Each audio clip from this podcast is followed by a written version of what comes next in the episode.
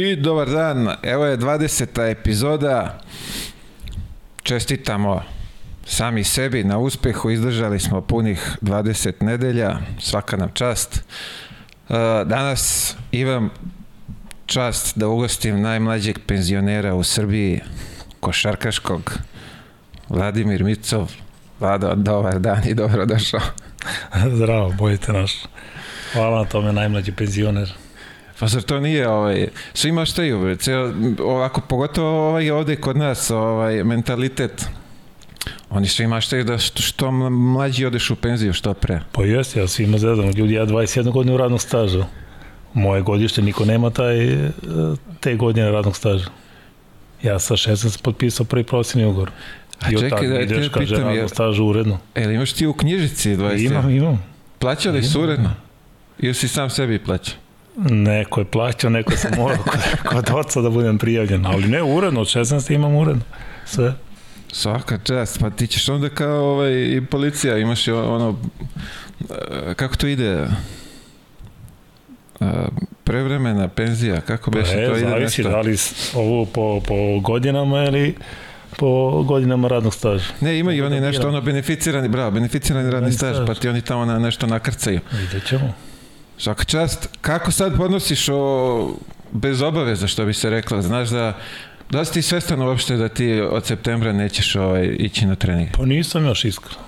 Mislim, sigurno to naravno velika odluka za sve nas koji smo navikli ne mogu da kažem celog života, ali od eto nekih zavisi od kako ko od nekih 12. 15. 18. godine kako ko kažemo ovaj ko, ko roboti smo znao se kad su trenizi kad jedeš motene, kad bi trebao da ideš na spavanje, ko roba, pogotovo kad ući u neke prosveljne vode, tačno sve zna i živiš po, po nečem režimu, tajmingu, ovaj, jednostavno sad sam slobodan, naravno imam dosta svojih nekih privatnih obaveza, tako da sam ovaj, u svemu tome, ali mislim da, pošto klasika, svi me sad pitaju kako je vamo tamo, ja generalno nemam takav ošćaj još da sam završio karijeru i sa igranjem, ali iskreno mislim da tek tamo u septembru kad krenu već tako neke pripremne utakmice, pa to krene po televizijom neko da prenosi turnire, a ja s druge strane u Beogradu, što se nikad nije desilo, da sam u Beogradu u septembru, pa krenem da vozim deca u školu, mislim da će tek tad malo biti ono ovaj svesni situacije da to je to nema, nema više košarke, ali trenutno stvarno uživam, imam puno obaveza,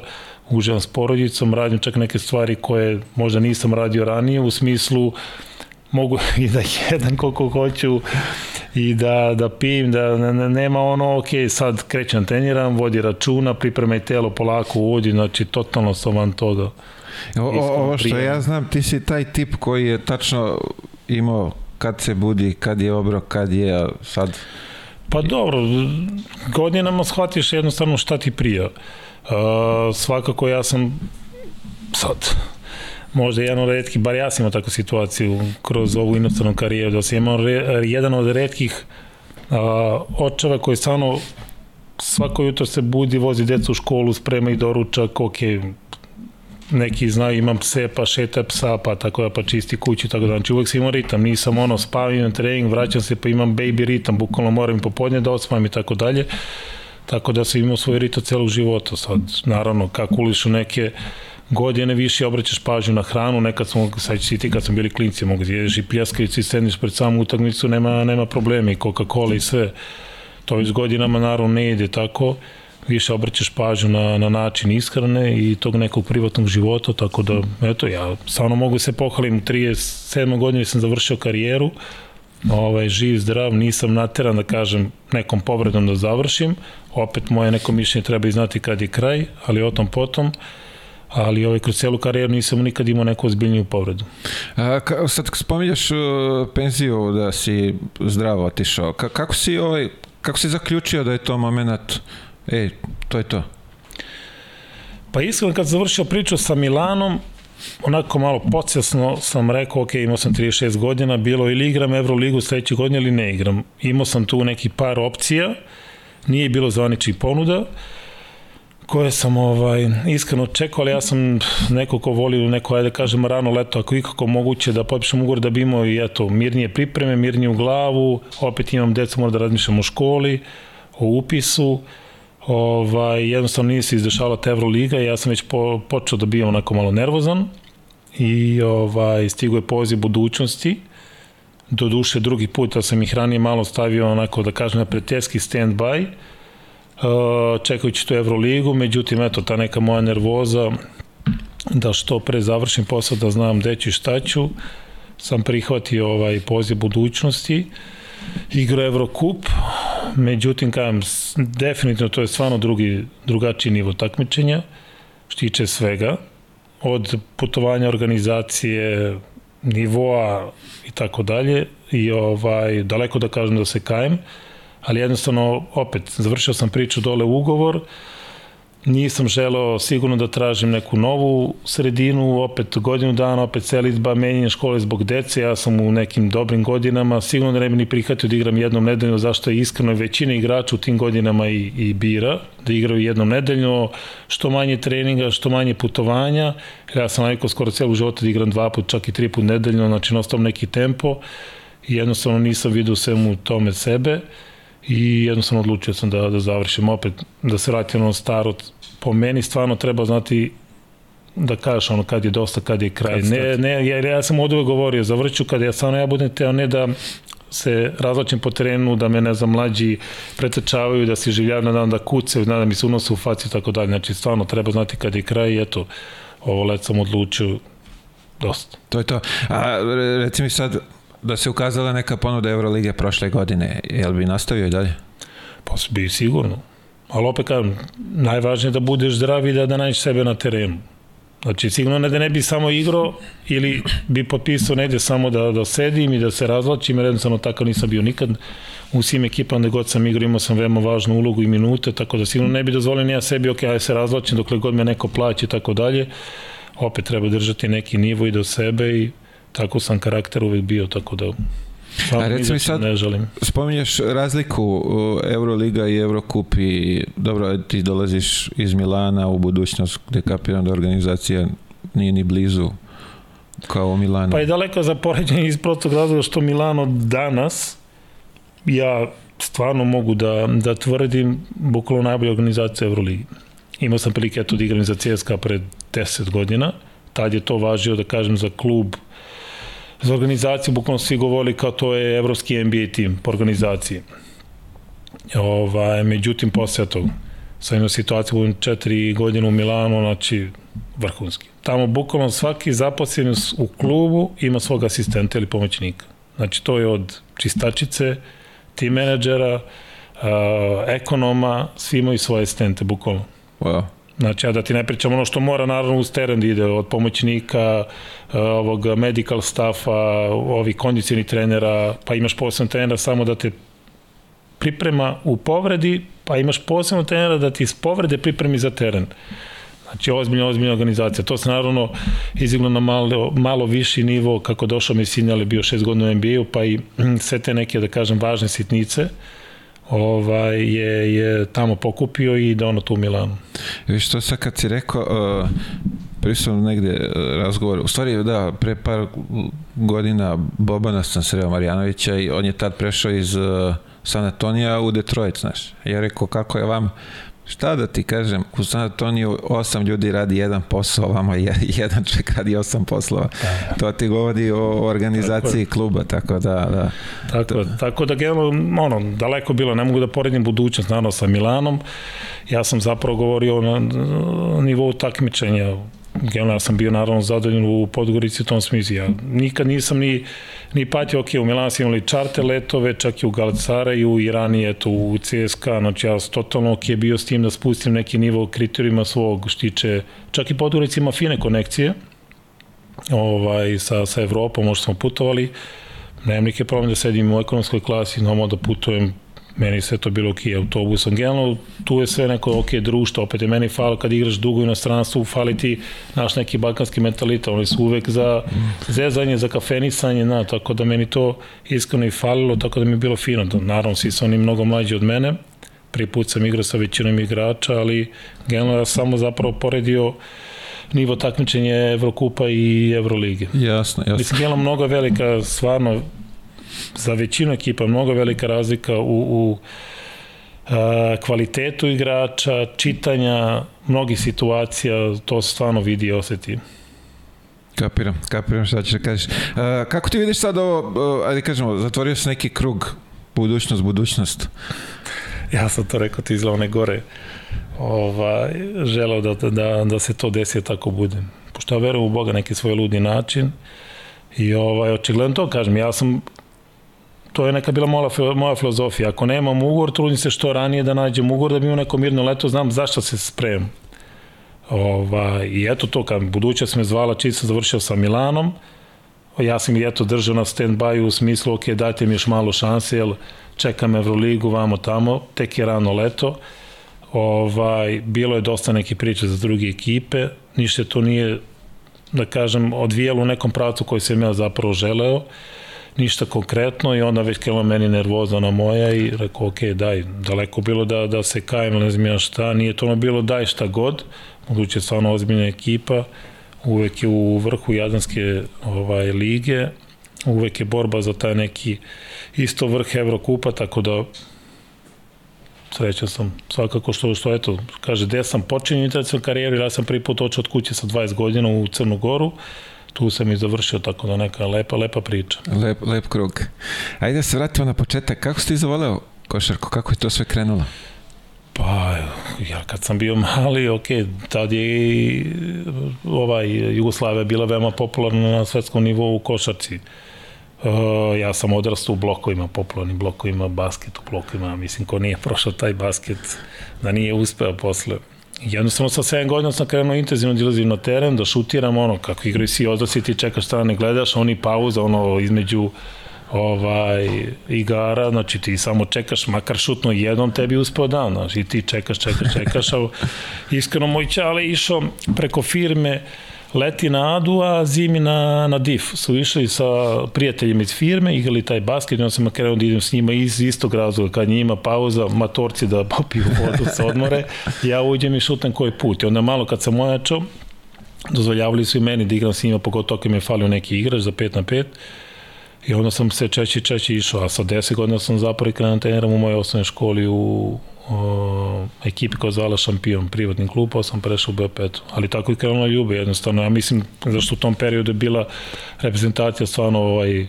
veoma popularna i Kenel u bloku ima iza svake zgrade je postao košarkaški teren, to je sasvim normalno bilo za mene. Nažalost sad većina tih terena je prazna.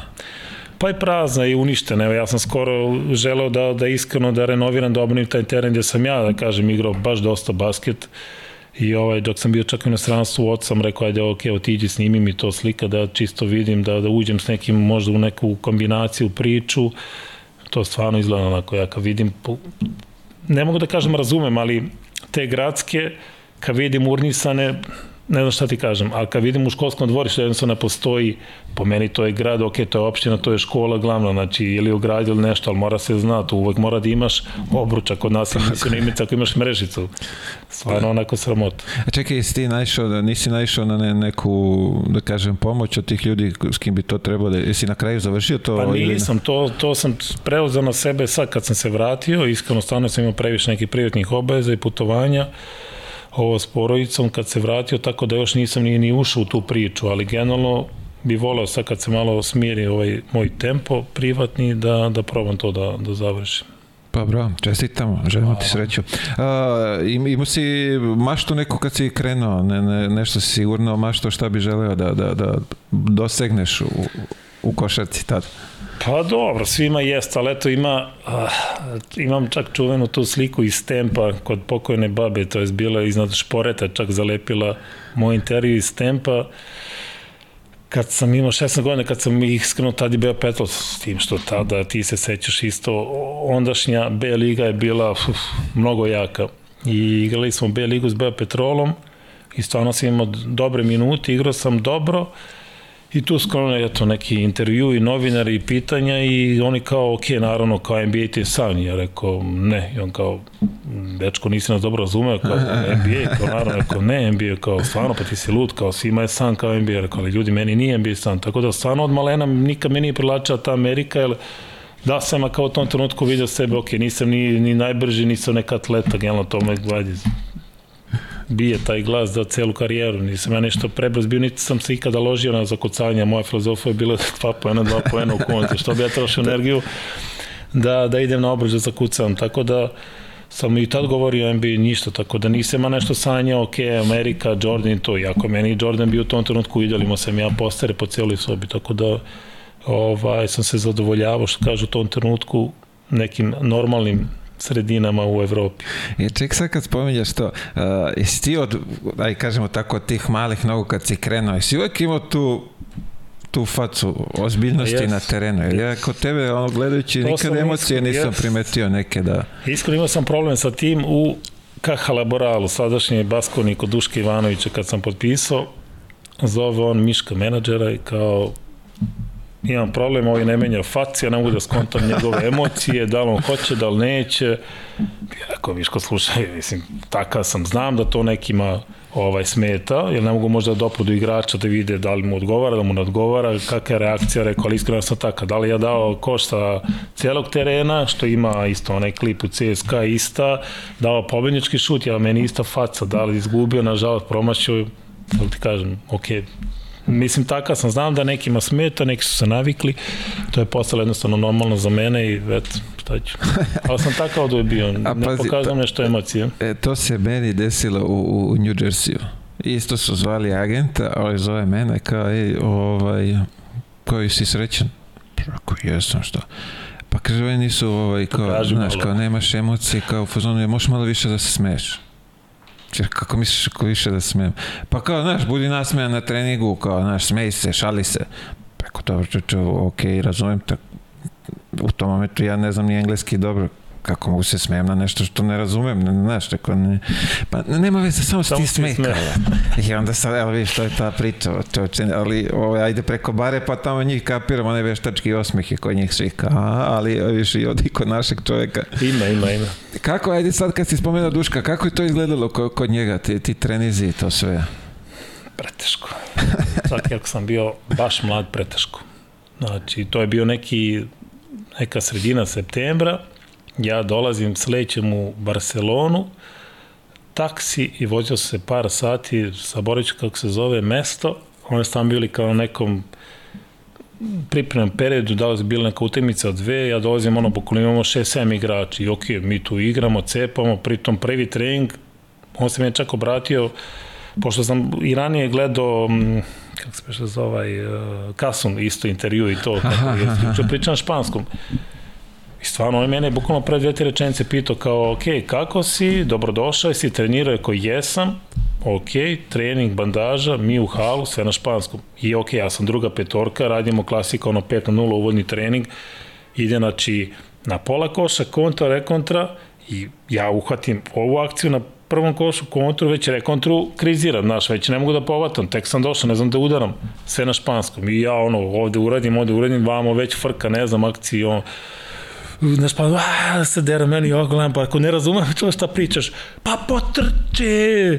Ko čoveče, ne pričam španski, ne razumem. Uglavnom sam svima na španskom. Evo, sad sveća, ja sam imao Mirzu tada Teletovića i Stanka Baraća, pa sam im pomogli dosta, ovaj, ali treningi su nenormalni. Znači, ako imaš trening u 6 popodne, ti mora u 6 i već spreman. Znači, nije ono doći malo, ta cepa, znači to kreće zagrevanje, to je na 100%, uglavnom je jedan i jedan do iznemoglosti, znači to je ne da ti da neko koš, to vama vraća ponovo, ponovo, ponovo i bukvalno samo što ne izađeš palicu ili sekir što mi kažemo, lomiš ruke noge, da on vidi želju da ti kao pokuša da igraš oba, znači to su falovi nenormalni.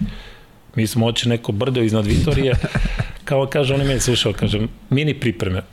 Rekao, čovjeća, bre, nisam radio mini pripreme od nekih kadeta, juniora, u srednjskoj košti ne postoje pripreme. Stvarno većina ekipa ne radi pripreme kao, ajde, ok, nisam, a pritom sam naravno čuo da je mnogo jak trener, da, trener za jake treninge. Preko, ja stvarno nigde nisam prošao neku umru na terenu, koliko je, idem, lastam, šta da mu radim. Kaže meni ovaj team manager me to nešto pokopio, vozi, kaže, ma vidjet ćeš, kaže, ovaj, to je ujutru, ustaneš malo kao naš u holu hotela, malo trbušnjaka, aktivacija, sklekovi, znaš, koji stvarno to nismo radili nikad, ja ne znam za to. Nije u mlađim selekcijama. Rekao, ajde, šta?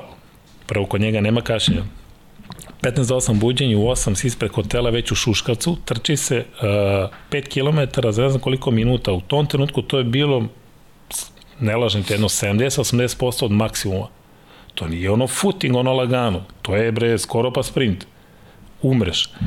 U hotel, kupanje, doručak, sat vremena do jutarnjeg treninga gde se ide u halu na bandažu 2,5 sata. Znači tu već si komiran spavaš, bandaža 2,5 sata, 1-1, to što ti rekao do iznemoglosti, umreš i popodne opet 2 sata bandaža. Šest dana za redom tako kao ujutro, pa te nije to ono ujutro malo razrazivano, to je bro ubistvo. Ne, ne, ne možeš da veriš koji su to treninzi. To je, bukvalno ne, ne da ti da zevaš na treninzima, niti da ovo, znaš ono što većina igrača briše kao pršinu spat kad sam klita, nema toga. On čim vidi to, on prekida trening, kao šta radiš to? Kao te toga nema. Ne znam, sve je bila kazna ovaj, kamikaza. Oni mi je rekli, zašto na pauzu za vodu kao minut. I oni mi je rekli, slušaj, bolje ti ustani, popi vodu, ustani, čekaj, nemo da naš ono, e, tu piješ vodu, ponšamo na teren, zvizne, a ti je, sačekaj, pa seš malo obriš, pa zavrneš flaštu, poletiš. Ne, ne, ne, omaka mi kaza. Odmah.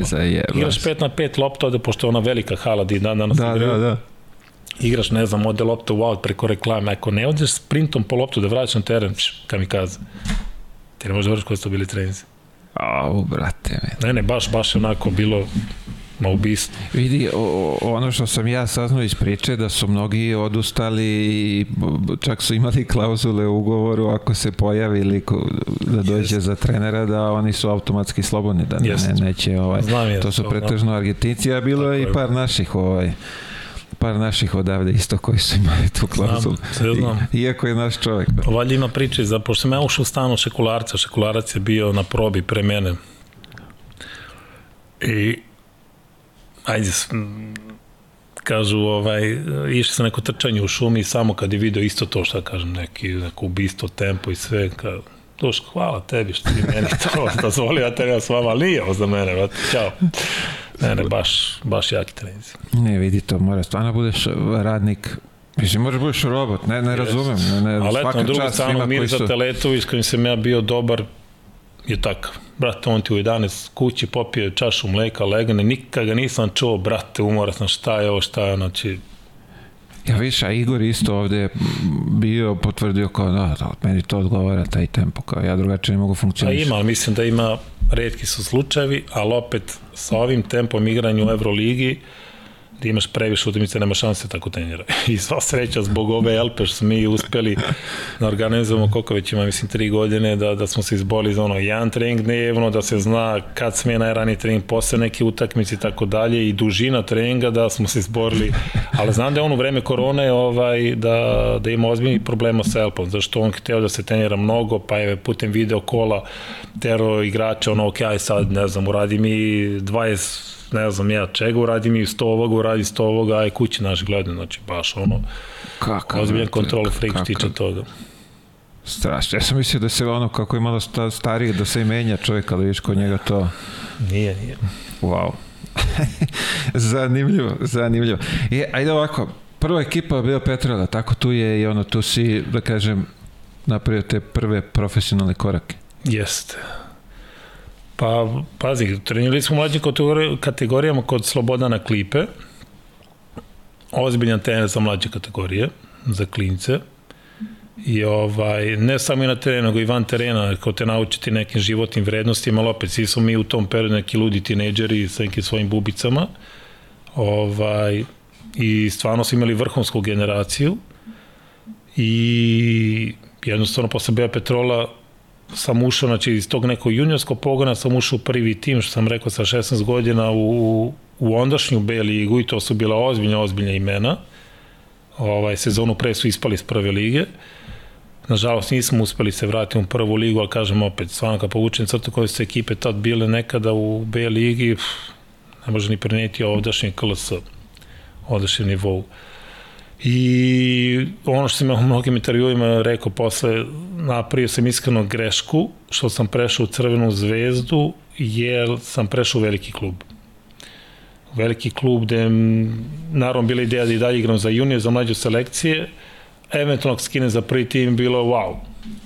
Međutim, ja sam napravio tu grešku da sam prešao, nisam ostao ovde da uhvatim neki kontinuitet, pa posle ko zna gde bi me to odvelo. Samo iz tog razloga sam ja, pa je posle sam nažalost lutao, te 3-4 godine do 20. godine dok nisam ušao u Crnu Goru sam lutao, svaki godin sam menjao klub, ono, posle Zvezde, tad je bila filijala Zvezdina OK Beograd sa Lukom Pavićićem koji je završio igrač karijeru baš u Zvezdi, postaje trener, mada tamo sam bio u rotaciji od pet bekova veoma slaba minutaža i uloga, čak i na trenzima, što je za mladog igrača neprihvatljivo. I posao u Laove i Lavi su nažalost ugasili te godine, to je... To Čekaj, se ostavimo samo na, na, na, na Zvezdi, vamo još ti dolaziš u Zvezdu, tu je Zmago Sagadin, ekipa yes. cela koja ona... Ali ja došao pre njega. Ja sam došao kad su bili Muta, Tener i Trifa, tipa GMT menadžer, on samo zarotirali, Muta je otišao, Trifa je postao trener. To se dešavalo u, u tokom leta dok sam ja pot, potpisivao u vreme potpisa. E onda odjednom kasnije stižu velike pare, ovaj, dolazi iz Mago. Na jedan put stiže lova. Tako, i dolaze velika, velika imena, starija, iskusnija, sećam se, primali smo, mislim, 17-18 igrača. Ali sam tu bukvalno trenir iz one zavese u pioniru. Čekaj, nisi uopšte s prvom ekipom ništa? Ma, da, sam za godinu dana pet treninga uradio. I to ko zmage su ono, bar, bar treninzi. Koji sa duškoma? Slično, ali ono, znaš, ono kad, kad ne da ti ni šansu da teneš sa prvom ekipom, kada ti mali tamo zavesi tu, kaže, ne znam, pomoćniku, ajde, ubi ga, bukvalno ono, razvali ga, znaš, i on te razvaljuje iza, ne znam ja što radim, ali to radim. Šta ćeš? A, vidi, tad, tad je bio sad pre par emisija i pričaju za te njegove treninge, kako je to sve izgledalo, te dogodoštine sa njim. Kapiram da, da si imao, ovaj, da ti je dao šansu, verovatno isto bi se ovaj, pa prema da, tebi. Pa da, meni nije od početka data šansa, tako da eto, nažalost, godinu dana sam propadao. Mislim, najveći problem je što, što mladi igrač mora da uhoti neki kontinuiti. Ja se iskreno kažem, stvarno, baš zezno što sam oču tako velika ekipa sa 16 godina. Dobro, ali u lavovima tu si onako, da pa kažeš, pa malo sam, se jeste, vratio. Sezona je počela ok, ali posle to zdržali braće Karić i tad su izašli iz kluba, para nije bilo, ali ama baš ni za šta.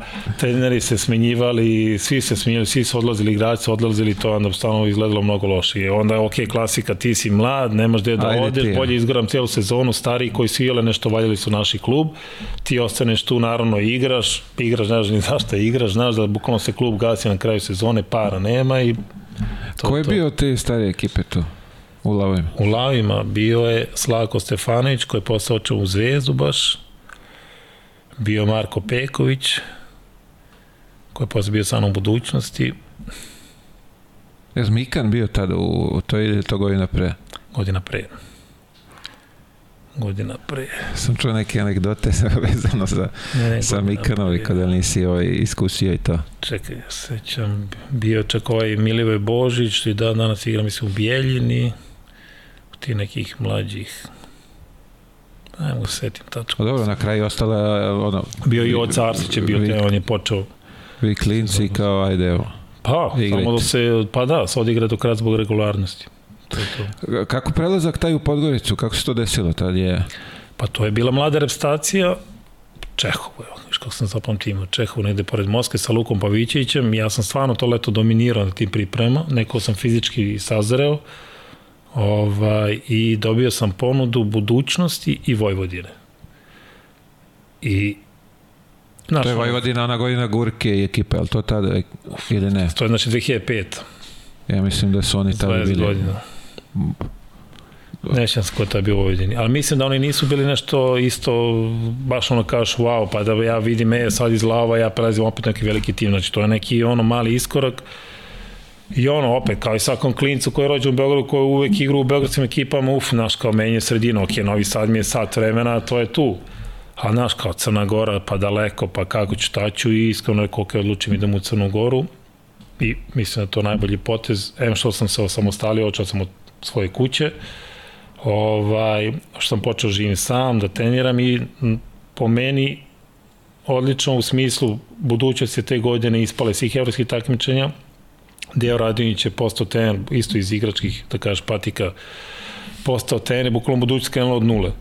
Doveli su plejadu nekih mladih ovaj talentovnih igrača i krenuli iz godinu godinu da napredimo i stvarno smo napredili od tog nekog direktnog plasmana u Jadransku ligu već sledeće godine, pa Evrokup, tako da stvarno... A šta je to što te, što te privuklo dole da, da odeš? Pa kažem, bukvalno sam izvagao u smislu, ok, vratno je ovaj, vreme da, da promenim sredinu, da promenim, očigledno u Beogradu, ok, imaš velike timove, nisam za to, ovaj, promenio sam već tako kakav Beograd, eto te lavove, Znaš, ono, kad si klinje kao uf, ako odem od kuće, ko zna šta, gde, kako će se snaći i tako dalje. Mislim da to opet neka normalno razmišljanje, ali opet mora i dođe taj period da odeš.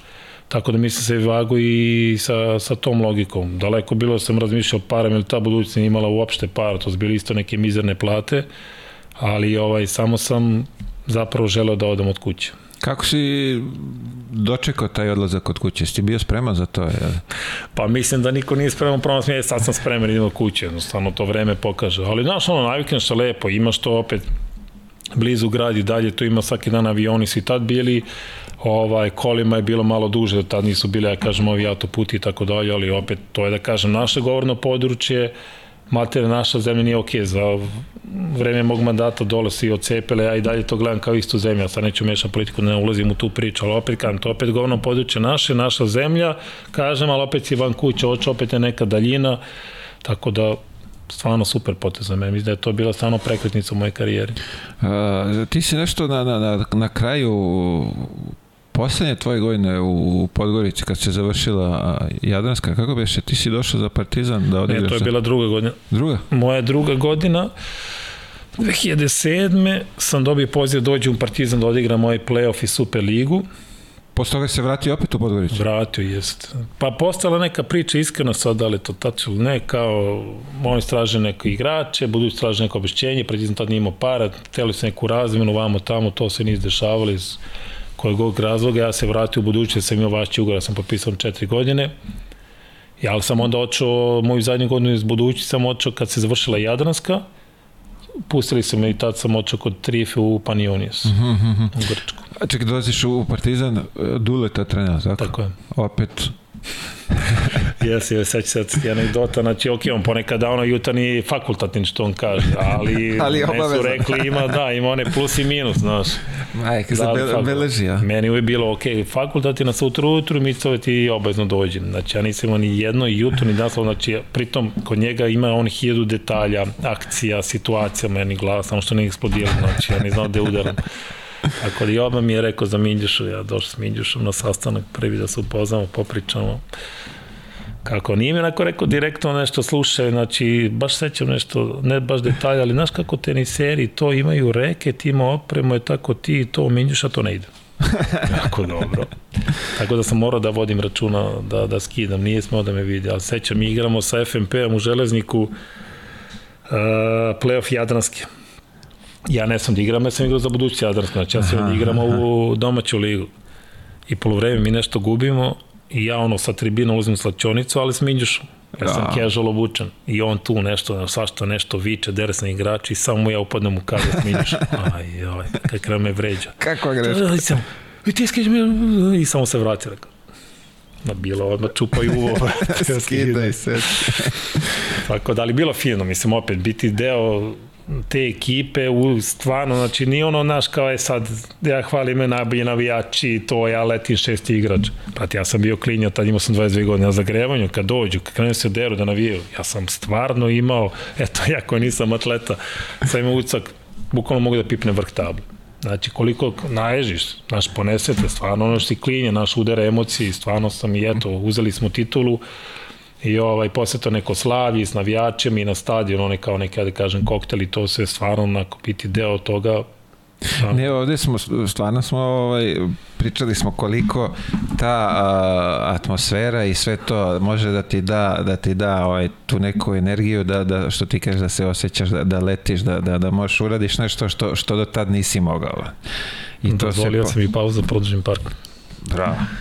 Sad, sad si bezbedan ovaj, za, za, za tu navijače koliki ti daju taj boost da, da, da se osjećaš da, da možda uradiš mnogo toga baš bukvalno svi koji su ovde bili koji imao prilike da igra za, za jedne i za druge da je to nešto pa ja mislim naravno više kad si mlad opet tad stvarno udaraju neke emocije i stvarno mnogo znači. Kad si stari iskusni jednostavno ne dozvoliš bar ja tako gledam po sebi nisam dozvolio da to neka ta neka situacija van terena, tribine, naravno ima i vređanja i pljuvanja, ima i nekog bodrenja da, da utiče mnogo. Znači jednostavno uđeš na teren i isključiš se. Tako da u nekom trenutku i kad sam igrao za ekipe koji imaju tako neke vatre navijače, jednostavno isključim se i to je to. Ali očigledno kad si mlađi nisi znao da kontroliš te neke emocije, onda na, na sve to reaguje, znaš, gledaš po tribinama, pa ti onako sve Da, da, da. Pa onda čuješ nešto što ne bi volio da čuješ. Pa. Tako je, bilo i, bilo i toga dešavalo se. A reci mi, kako se desio taj izlet u Grčku? To je isto nešto na, na, na kratko. Kako pa se... jeste, ja doveden kao za playoff i ova, međutim tad je odmah smo izgubili Dari sa 2-0 lagano, odigrao sam mislim pet utakmica u reklamnom delu, krenuo playoff, izgubili 2-0 od Darisa i ispali odmah. Eto, moja ekskurzija trajala mesec dana, ali fino, bilo fino na glifadi, hala pored mora, prelepo. Jesi ostao malo da odmoriš posle? Ja sam 15 dana smo ostali tadašnje devojke. Čekajući ja... platu ili da uživaš? Pošto je dole uvek je ne, neka frka s parama. Kaša, ali dobro, to se isplati, ali iskreno naš ono prelepo, stvarno prelepo tiče glifade i dela toga ti je ne prelepo. Vidi, nisam bio, ali svi hvale da je, da je top. Prelepo. Stvarno prelepo. Pa mislim kao i svaki primorski grad, da kažeš. Dobro, ali oni nekako imaju, ajde kažemo, dušu, jest, znaju da žive. Jest. Ma ima tih lokala na, na plaži, fine bla, plaže, ovaj, znaš, opet imaš gde da prošetaš. Prelepo, prelepo. Uh, Kantu, tu već onako, da kažemo, praviš neku... Između, pa nima si ide ekskurzija kod, kod Duška. Dobro, to smo, da, da, to smo obradili. Čekaj, ti odatle u Kantu? Ne, iz Laboralis, kakva Laborala. Tako je, tako je, da. Tu jest. Pošto sam ja pobegao od Duška pred novu godinu. Ja sam bio bez posla, da kažem. Čekaj, i, i izdržao si toliko, da. Da na tri meseca. A sam kuko, veri me, od prvog dana sam kuko Mišku, vadi me, vadi me, vadi me, vadi me. Tako da tri meseca vađenja. A, brate mi. Vidi, mnogi su bili kod njega pa su zapalili. Nije, da, verujem teško, da... Teško, Treba Nije to... za svakog. Vidi, trebaš fizički da budeš spreman, a o mentalnom stanju to je tek... Ma kaže, mentalno je baš teško. Nije, nije za svakog. Ovamo nekako mali klubić ušuškan, negde sam naleteo da si da je Trinkieri tad isto počinjao karijeru, al tako ili je... Nije, počeo malo ranije, ali ovaj sećam se zvao me odmah me napo, nemoj debeli dede ćevape, znaš, meni onako čudno italijan priča naš jezik, njemu je majka Hrvatica.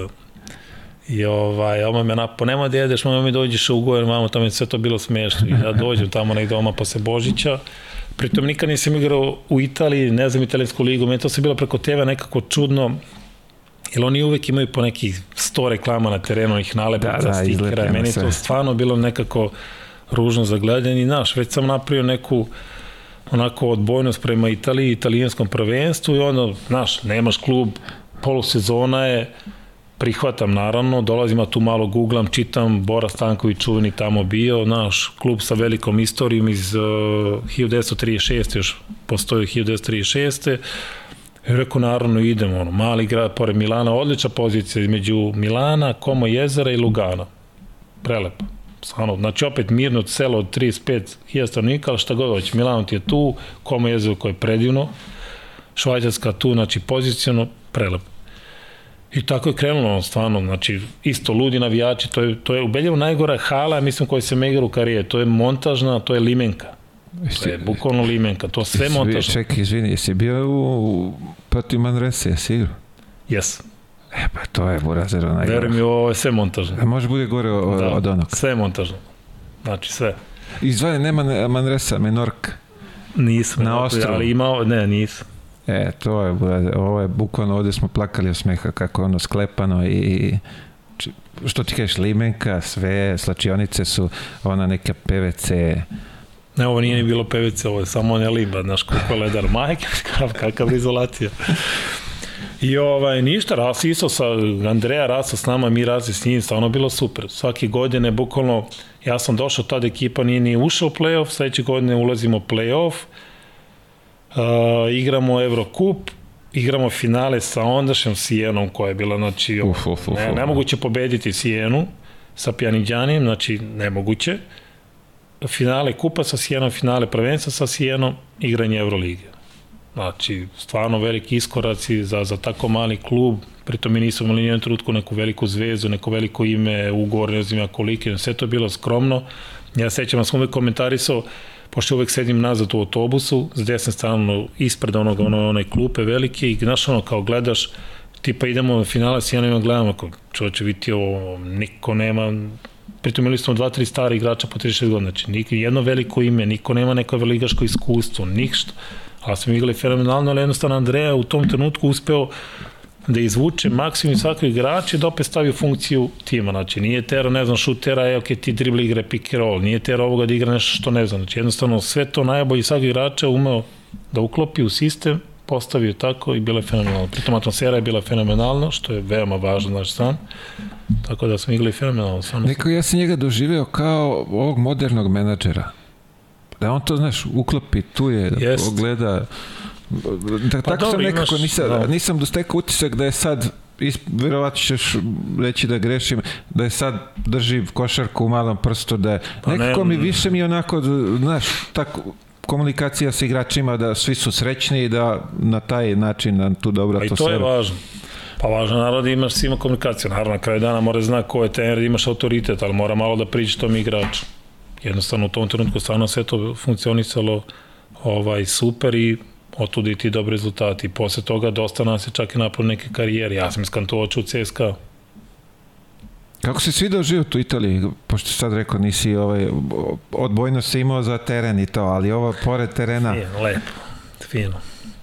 Pa ne, ok, igrao sam, znači dvije po godine u Kantu i sad četiri godine u Milanu. Super, stvarno super. Pogotovo što, ok, sad imam mm, relativno, kaš, veliku decu, 7 i 10 godina i krenuli su u školu u Milano i žena se navikla i prelepo, ona vidi sebe u Milanu, ja sam to izborio, nekako damo šansu Beogradu. Ovaj, ali generalno deca priča isto italijanski, sviđa im se naravno, tako da lep, lep način života. Mislim, naravno, ako možeš ti da organizuješ svoj život, da nađeš sebi i tako dalje, ne sad da zvrljiš tamo da ništa ne radiš. jasno, da. Ali lepa sredina, mnogo i lepa priroda, pogotovo ja sam imao to opet mogućnosti i sreće da igram u tom lombardijskom delu oko Koma jezera, što je stvarno božanstvo, znači priroda, nevjerovatno. Svaka čast. Uh, kako se desio taj prelazak za CSKA? Pa pazi, te godine... je, izvini, to je nešto na pola sezone bilo, ali tako ili ne? Nije. Na kraju sezone iz Kantua ja sam stvarno igrao super i imao sam mnogo ponuda. Znači jedno 5-6 ponuda, bukvalno u 7 dana i to ono, mogu da biram. I seća se u tom trenutku, tada me Milano zove, mi Milano smo u tom trenutku redano ono prašili, znači dobijali, izbacivali u play-offu, u kupu, sve, znači lagano. Ovaj, I Miško isto kao Milano, kad naš, roku neću Milano ti nisi normalno, kom neću bre Milano, čoveče, mi redano prašimo, znači nije, ok, oni igraju Euroligu kao, znači to je sigurica, mi moramo kroz neke kvalifikacije, ali neću Milano, znači oni su loši od nas, znači neću. I tu se malo svađalo vam tamo i stiže druge ponude, još i odjednom na kraju nedelje bukvalno stiže CSKA, znači ti ono, uf, naš CSKA, to je opet za njih u tom trenutku plasma na Final Four je nešto normalno. Tako je, očekaj. Neuspeh je neosvajanje Euroliga. I znaš kao, uj, čoveče, pa to su možda neki vanzemaljci, možda igra neku drugu košaku, onda će biti spreman za to, vamo tamo, ja se čujem, tad isto me sina vodio CSKA, se čujem, oni objasni konkretno šta želi od mene, vamo tamo. On ja te lično zvao? Jes, jes. I ja prihvatim sve i na kraju bude super. Stvarno bude super. Jer generalno ja sam tu neko ko je došao iz namenje sredine u neki veliki klub gde smo imali mnogo ozbiljnih igrača, što stranaca, što, što ajde kažeš, eto i, i mi smo bili, bili su Teo Krle i Erceg je te bio prve godine, što domaćih igrača, ovih Rusa, stvarno velike imena, to su bili veliki ugovori, ja sam tu došao kao neko ono, stvarno sa, sa strane, ova, sam se super uklopio, našao sam sebe, jednostavno bilo je tu neki problem u smislu naš i ego kod tih igrača sa velikim i platama i mislim ja služim mnogo više minuta i mnogo veću ulogu, te mogu da počnem ovaj, petorku, te ne mogu da počnem s klupe, ja sam jednostavno takav, tako da bilo je takvih nekih problema, ja sam sebe našao tamo i iskreno sam Čekaj, oni imaju, pretpostavljam da ću kažeš da oni imaju uslove da određena petorica moraju da počinju ili... Pa imali smo u tom trenutku bar ja da znam dva igrača, ne mora da ih imenujem, koji su jednostavno uslovljavali kao, ej, ja ne mogu da počnem sa klupe, jednostavno iz nekog svog ličnog razloga i to je to mora počnem petorku. No.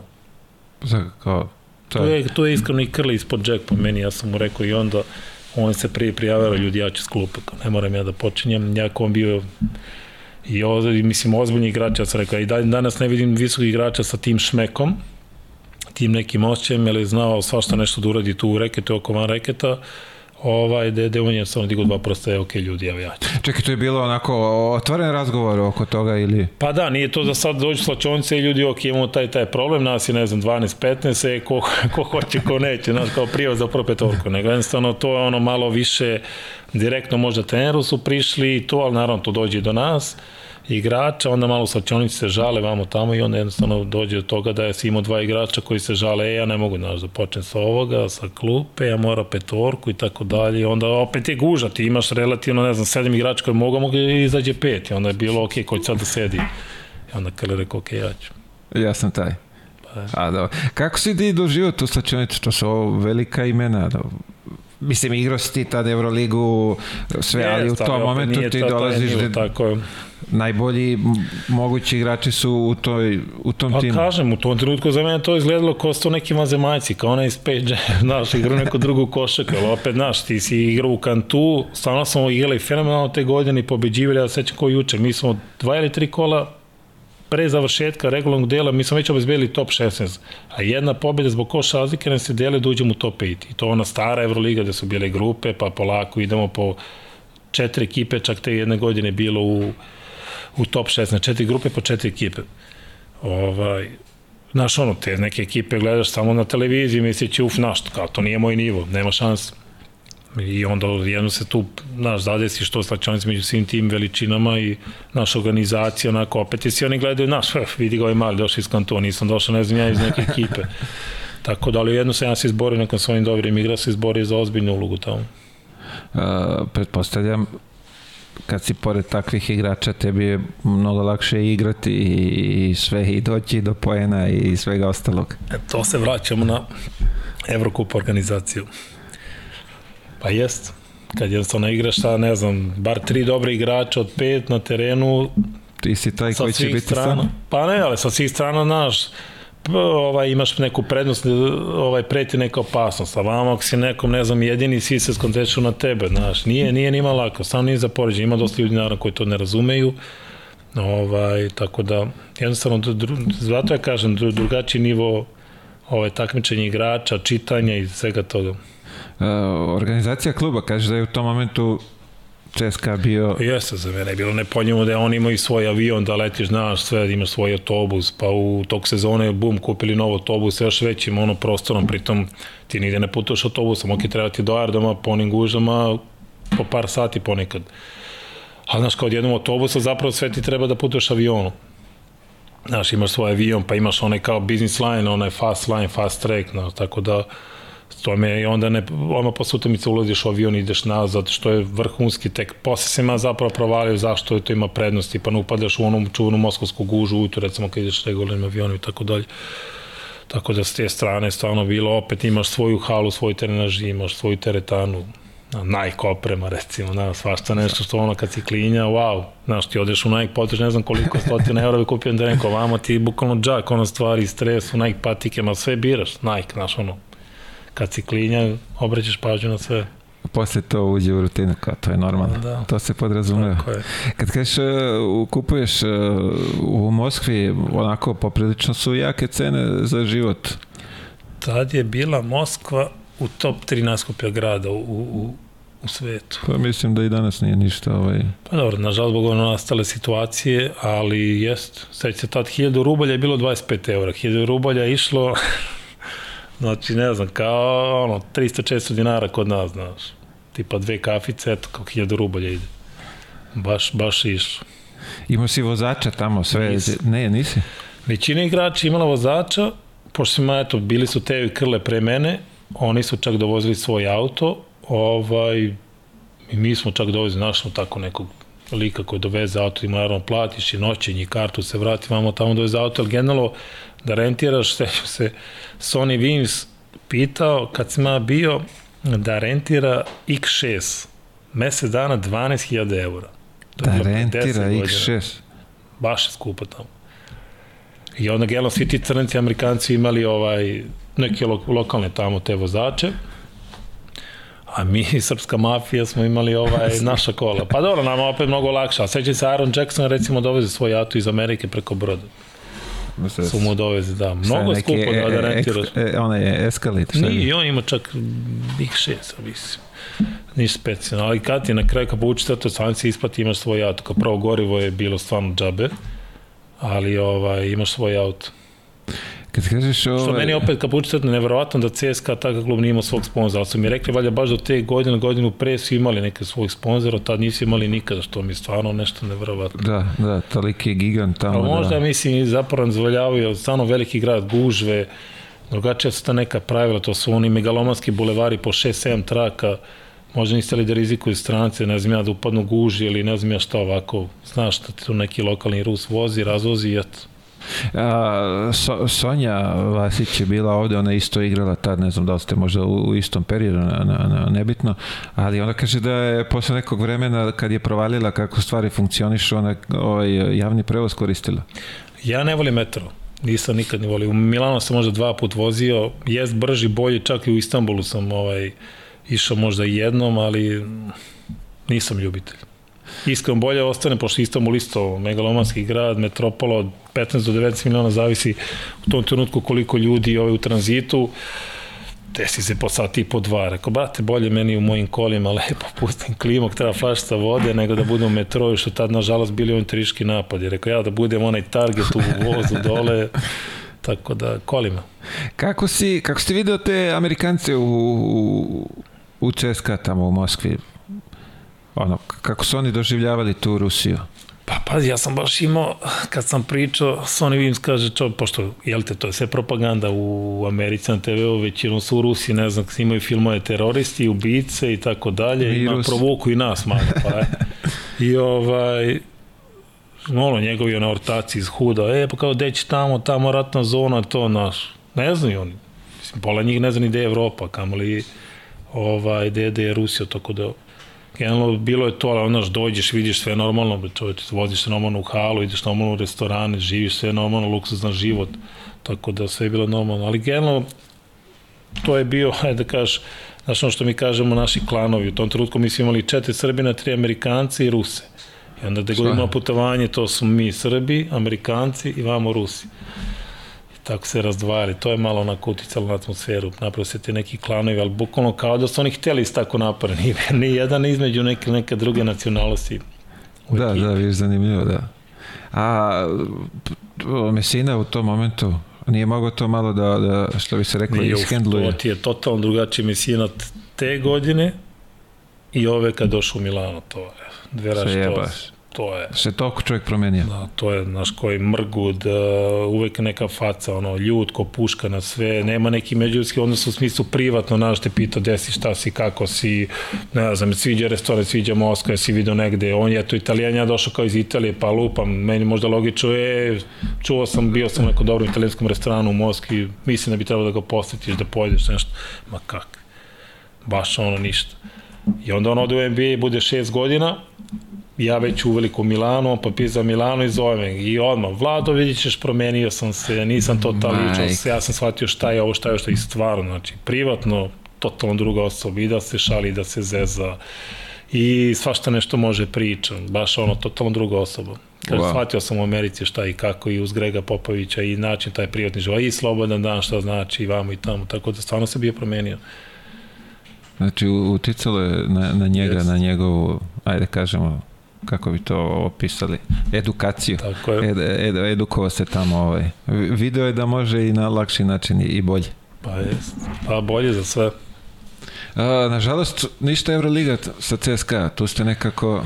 Ništa, dva puta Final Four, dva polufinala, mi gubimo i kuće. I opet sa Mesinom, treće polufinale u, u Kelnu sa Milanom, gubimo do duša ova dva, CSKA je bilo ono lagano, znači gubljenje po 15-20. A ovo je, ovo je malo neizne, neizvesnije. Šut u zadnjem sekundi Corey Higginson nam dao trojku i dvojku, neku dugu dvojku i izgubi su. Tako da smo tu bili najbliži šanse. Tako da, eto, u mojoj karijeri tri Final Fora, tri sa Mesinom, tri polufinala i... Da, vidi, da, stvarno, pazi, tri sa Mesinom, da. Kakav maler. Da. Ali dobro, bar se promenio čovjek. Tako je, eto nešto dobro. Ali to je to. Napredak je vidljiv. Uh, odatle seli se u Istanbul. Jest. Ta, ali opet nekako gledano ideš u klub koji onako malo kuburi sa financijama, sa, sa nekim... Pa pazi, ja stvarno nikad nisam jurio za parama. I uvek sam gledao kao prvo eto, imao sam, da kažem, i prilike moguće da biram neke dobre gradove, kad si u neke ponude, opet ti sve, naravno, kad pouči sad to sagledaš sve. A sam uvijek, naravno, gledao gde ću se uklopim, gde ću i minute, gde ću im neku ulogu, pa onda, ok, gledamo grad i tako dalje, tako dalje, što po meni je normalno. I klasika posle CSKA, stvarno puno ekipa te želi. Ne samo mene, kogod ide iz CSKA ili iz neke ekipe koje, za koju je Final Four normalan, to je stvarno neminovno, stvarno većina ekipa. Prvo su Rusi na, na listi, Međutim, ja se nijedna ekipa iz Rusije ne sviđala, to su bile ono katastrofa, znači stvarno dosta snega i kiše. Po, po A nije bio niko iz Moskve, ne? Pa bio je Himki, ali jednostavno Himki nisam teo iz neke druge priče, onda se javili i Unix i Lokomotive i tako dalje, to je bilo još dalje i da, lošije, su, to da. jednostavno nisam želeo. I bilo je neki drugi ponuda i Gad Care se ovaj, sa Atamanom baš se javio, to sam ovaj dogovorio, međutim kako je sezona krenula ozbiljni problemi s parama, s budžetom, igrači koji se leteno brzo i odlazili posle tri meseca, sećam mi u tom trenutku 11 stranaca, što je stvarno bilo nešto nepojmljivo. Kako Kao dve ekipe, 11 stranaca. U istom momentu, da. jeste ono, u toku sezone ste promenili? Ne, ne, ne, počinje sezone 11 stranaca. Pa gde su Turci? Tu su Turci, ali 11 stranaca. Za Evropu ti može igraš kako hoće, ali za domaće je 6-6. Bilo pravilo. Pa jednostavno rotiraš, odmaraš. Mislim, ok, ja sam u Milanu imao 9. I 9 kao, ajde, nikad se ne zna, povreda, odmaraš nekoga i tako dalje. To je normalno. Pa, Mora da imaš dugi roster ovaj zbog uh, pa, kalendara. Kapiram, ali 11 stranaca. I onda su krenuli jel, ti problemi s parama, s igranjem, nezadovoljstvo, onda su već trojica otišla odmah u kroz 2-3 meseca, ali problemi s parama se nastavili, ali generalno ok, da, da, da je potencijalam tu priču, ovaj, bio sam tri godine, uzeli smo Evrokup, u tom trenutku to je najveći trofej za, za klub. Kizercak sa, sa, sa tobom? Jest. I od, od prve godine ili on dolazi posle? O, ne, on je ranije bio još dok je bio mačon isto. Aha, aha. Pre toga je bio. Znači ti faktički dolaziš kod njega? Tako je, ja dolazim kod njega i ovaj, on je imao i lepo iskustvo sa njim ovaj, sa Atamanom.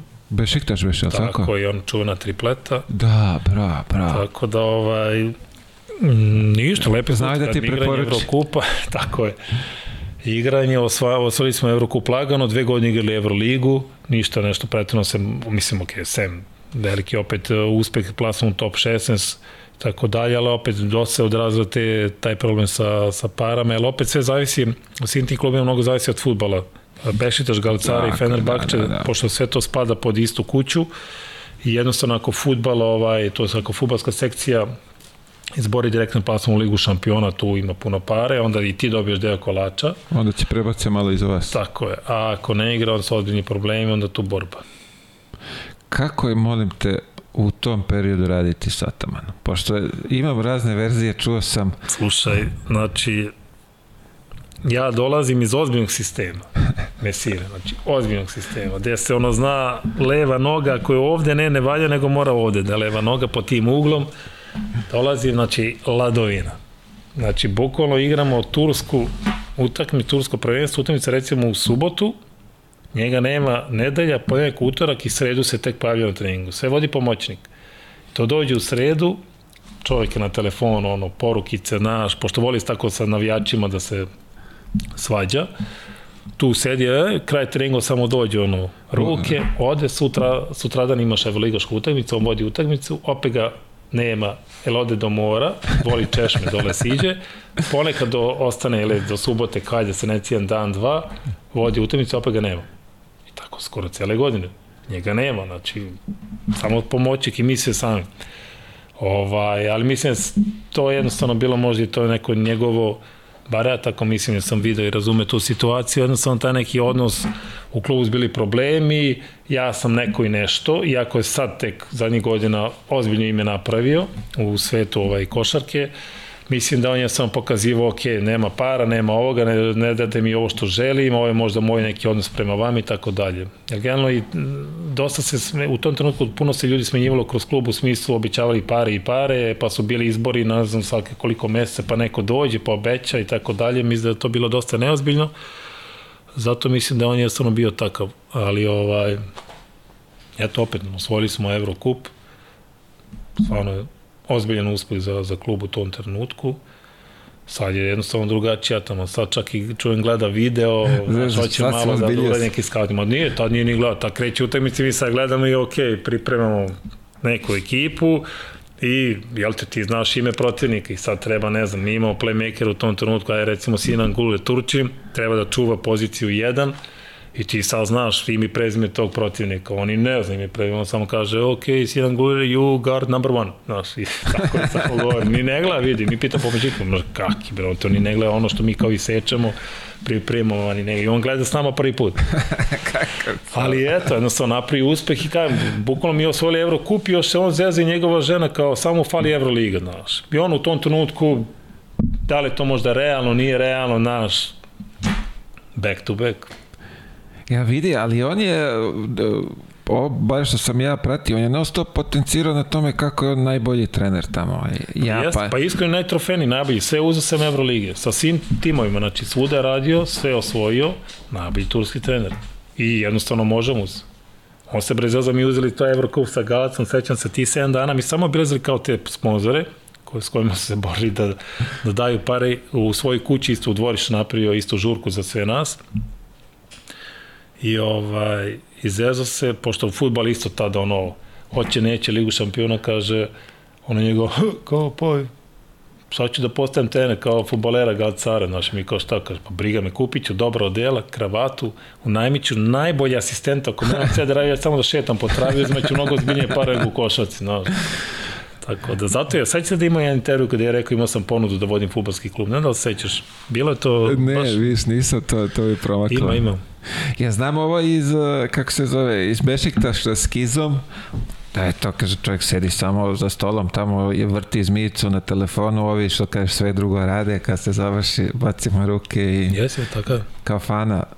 Ali eto, te godine stvarno potefili, imali smo dobri igrače, dobri mene, smo bilo dobra atmosfera, ali nekako mi smo se na terenu našli, naš ono, uvek tu pola toga ne funkcioniš, ali naći načina da da pokriješ i u odbrani i u napadu i nije, nismo imali toliko sebičnih igrača, nismo imali u odbrani toliko šupljine u smislu evo je ne igra, ovaj ne igra, pa mora pokrivaš, pa odbrani će doda lopti i tako dalje. Tako da stvarno smo se našli, odigrali dobro, on se, tamo se posle uključio, tako da... A čekaj, šta je kad ne ide? Kako, kako se onda ponaša? Ništa, onda samo sedne i ono njegovo, to znaju svi, kako izgubiš neku utakmicu koja kao ne bi trebala se izgubi, ajmo nas u hotel i kazneni treninzi. I dešavalo se meni te četiri puta odeš u hotel, jednostavno do sledeće utakmice ti zapreti, malo izlopotreljavao taj hotel u tom trenutku predsednik Galate imao jedan ozbiljan hotel u centru Istanbula vratiš se tamo posle utakmice i treningu 7 ujutru, 12 popodne, u 5 popodne. Čekaj, sutra dan? E, do sledeće utakmice ti preti tri treninga i to nije ono, ajmo sad trening kako duška bandaža, ajmo sad jedan, jedan trčenje i to, nego ti onda najbi pritom ti posle utakmice ne spavaš. Pa da u, u 7 trening ti mora ustaneš ranije, da si iz centra Istanbula voziš ozmih sat vremena do te hale bez guže, do naše hale. Pritom, znaš po sebi, samo da ustaneš bre u 5-6 nije ti ni do čega, kamo li trening. To su neke najbiće vežbe takmičenja u šutu tipa do 21, od dve kolone, znaš, i ti ne daš 21, trčiš u krug. Pa, znači nije ono najmo sa pipnjem. Da, da, da, da. Ti ga da. ne daš, aj trči. I sutira, ti se opet prezniš. Ali tri treninga onda nazad, pa opet nazad u 12, pa nazad, pa ajde opet u halu u 5 popodne. Evo onda već posle drugog dana mi krećemo, dižemo frku, pošto isto spomenuo nije bilo para, onda zovi klub, zovi menadžer, malo pritiska i onda ponekad te pusti kući, ponekad je čak i izdržao do utakmice, naravno mi svaku sreću smo dobili i onda, naš, to je kao u, dobra reakcija, znaš, kao, možete Pogodio sam žicu. Da, možete kući. Čekaj, 7 dana vas drži tako do... Bilo je, 3-4 dana, ne, pošto smo igrali Euroligu, dve, nelje, dve utakmice nedeljno bile, onda po 3 dana. 7, 12 i 5. Vidi, da, da ne treniraš ništa, samo da prođeš do te gužve, da se vratiš, pa, yes. pa je ovaj, opet se... Tako da, to je kod njega situacija, tako. Ako izgubiš ili to, hotel. A dole je, ono, vatreni su, što bi se reklo, navijači yes. i znali su da bili ste imali lepu podršku. I jes, su... jes. Ne, ne, stvarno, stvarno super navijači. Onako pomalo ludi, umeju da, da i prave svašta nešto, pogotovo recimo kad smo igrali u Nemačku, Nemačka puna turaka, kad smo igrali, sećam se, protiv Albe, došlo ti 4000 ono u Nemačku, to je normalno, sedu jedu neko basice, piju pivo, nema ni obiljeđenja nikog, kad su krenuli se tuku, da ne znam, prave probleme, e, on daje pauza, pa zove policiju, dok policija dođe nakon njih, to nije bilo normalno. Tako da smo imali svuda podršku, pogotovo, eto, ok, Istanbul naravno, ali pogotovo u tim zemljama da, i, da ih ima dosta. Kako se navikao na, na Istanbul? Pa fino, tri godine, grad na moru, ovaj, super, Oni stvarno Ček, bliski sada, nama. Samo, to je onaj azijski deo ili ovaj Ne, ne, ne, azijski ti je samo Fenerbahče. Aha, aha, U evropskom delu si sve ostale ekipe i ovaj, pa super kad ti, stvarno super. Oni su relativno blizu, blizu nama, ok, imaju tu neku drugu kulturu, što tiče hrane, mnogo su fini, kulturni su, hrana mi je super odgovarala, ovaj, druželjubivi su, No, tako da meni je bilo super. Kažem opet, nažalost, nisam bili u onom periodu kad su bili on triški napad i, i onaj pokušaj puča. I stvarno, bukvalno jedan se zadesio, mi smo baš prošli pored tog Beštašog stadiona, bukvalno posle pet minuta zdesio onaj napad da su bili mnogo ljudi. Tako da na, u tom trenutku kao krećeš se slobodno gradom, opet postoji strah, nikad znaš kada će neka budala digne cijel autobus, se zaleti i tako da, da, da, tako da, da, da, da. baš je postoje ozbiljan strah. I pritom onaj napad na aerodromu kad su pucali, ja sam posle dva dana išao na aerodrom taj da, da letimo da igram u da, tako da se onako neki fleševi nije bilo sedno, pa je to možda kvarilo neku sliku. Wow. Ne može da bude nikako prijatno, Ma, verujem da, da je ovaj... Pogotovo što ne znaš šta se dešava, znaš, kao nije to ono počeo rat, nego to, neko... Ali vidi, to je grad od koliko, 15 miliona ti... Pa kad ti, od 15 do 19, ono kao zvanično, zbog previše ljudi u tranzitu. Tako je, i ti ne znaš ko je do tebe. Tako je. Znaš, kad, kad si u malom mestu, ajde, ono, možeš da iskontroliš, šta ti iskontrolišeš 15 miliona ljudi, bre, to je haos. Haos. Uh, prelazak za Milano. Ono što me zanima, tamo, uh, ajde, kažeš organizacija, sve super, uh, ta relacija vaša sa, sa gazdom kluba, kako to izgledalo? Ja sam vidio, on je tamo redovan bio na, na utakmicama na... Gospodin Đorđo. Đorđo. Pa dobro, pazi, on samo dođe na utakmici i ode, ono, mora se rukom, ja sećam te neke situacije prve godine, kad sam ovaj tek došao, ja ono naviku, ajde, svi neki klubi imaš ambicije, ali jednostavno, opet se vratim na tu, tu situaciju kad si urukan tu, kad niste još pređe u Milanu. I tada je Milano imao par igra Euroligu, ali uvek je nešto falilo. Ok, u tom trenutku nije znao šta to fali. Ali, znaš, imaš sve moguće uslove, ali stvarno vrhunske uslove. I nigde rezultata. Znači, prolazije su pregraš ozbiljnih igrača kroz klub sa ozbiljnim ugovorima, ali vam baš nikad nikakvi rezultati. I, znaš, ono, uvek čuješ nešto, načuješ, neko ima prijatelja sa igrača, pa gde su ti problemi. I onda kad sam došao, vidio sam gde su problemi, ne želim da ulazim u detalje, I ovaj, jednostavno njima je bilo normalno i da izgubiš, oni svi nasmejani, njima je fino, pa u tom trenutku smo imali onako, od, ne znam, tada je bilo Everligi malo manje, bilo 16 ekipa, mislim, ovaj, recimo smo imali 5-6 čartera, znaš, izgubiš, evo ti ga čarter, čarter, pa onda imaš uh, njihovi katolički božić, dobiješ bonus za Armani Shop, da potošiš u tom trenutku zbile ozbiljne cifre, plus mi uvek imamo 40% popusta u šopu, znači kad dodaš na to ozbiljno, znaš, ali tipa mi izgubimo utakmicu, dva dana pred Božić ti dobiješ bonus, vraćaš čatom. Meni to recimo nekako bilo nekako, ljudi, vi kad vam zber čašćavate, znaš, pritom niko nije ljud što mi kao gubimo neke utakmice, te prve moje godine smo bili pretposlednji, 15. u, u, Euroligi, da mene to stvarno bolelo, a vidim vamo ljudi presrećni. I onda se promijenila ovaj predsednik i GM iz te stare uprave, ovaj, Pjaniđani je otišao i onda je došao Mesijan, došao neki novi ljudi, ali uvek je tu bio ovaj gospodin Đođe uz klub sa ozbiljnim ulaganjima i jednostavno evo, izdigo se klub taj Final Four što smo uspeli prošle godine, ove godine na korak od od Final Four, ali sad su, ajde, mislim, nemam kao toliko godina, ali postaju, da kažem, sigurno učesnici uvek top 5, što stvarno nije ni malo lako da, da održite neke dobre rezultata, ali automatski s tim dobrim rezultatima ulaganja već privlačiš i ozbiljni igrača, ali evo oni svaki godine potpisuju Da, da. dobre pojačanja, tako da to je magnet za, za dobri igrača. Ali uvek je on tu uredno, on dođe na utakmicu, posle utakmice mora se rukuješ, to ono što sam počeo da pričam prve godine, mi krenuli gubimo neku utakmicu, ja nervozno što svi su nekako nasmijeni, ima to okej, okay. kao je, oni mi rekli, kao je, mora doći da se rukuješ njim, znaš. I ono, jednom odem ruku, drugi put, no, već sad ljudi mi kao gubimo, znaš, ono, beži bre, kako rukovanje s tom. I ja jednom, dva puta sam odem u slačionicu i posle razmišljam kao, obe, kretenu, on ti daje pare, on te plaća, ti glumiš šta tu ba idi tamo, naš, ruku i si, to je to. Tako da li... Čekaj, to je cela komunikacija s vama, nema... Nema, ona, nije, nije, nije da on dolazi, ne znam, priče i to, nikad. Nikad. Gospodin Znači, ja za četiri godine, ako je možda jednom ušao slačionicu samo da kaže, uglavnom ulazi da kaže taj GM ili predsednik i to je to, ili je eventualno, ili eto u ovom trenutku i Mesina je bio ono, kao imate pozdrave od uh, Đođe ili uh, čestite, tako dalje, ali nije, nije da on ulazi da, da priča sa nama. Takav vrst komunikacija ne. Carski. Si koristio ovaj, te vouchere? Pa je, Bonus. ali bukvalno gde se još na silu kupuješ. Kad ne pe... Dobro, to više porodice to. Pa i nađem za mene stvari, veličinu. Ja sam tu granica. Pa dobro, da, ti si taj. Znaš, granica. Naći nešto. Šta će ovi mučenici što su po 2.10 iz ekipe? Parfem, kupiš čokoladice, Pa, cvijet, tako je. kajiš. Ima za ženu, ima za ženu i Za žena i uvek ima.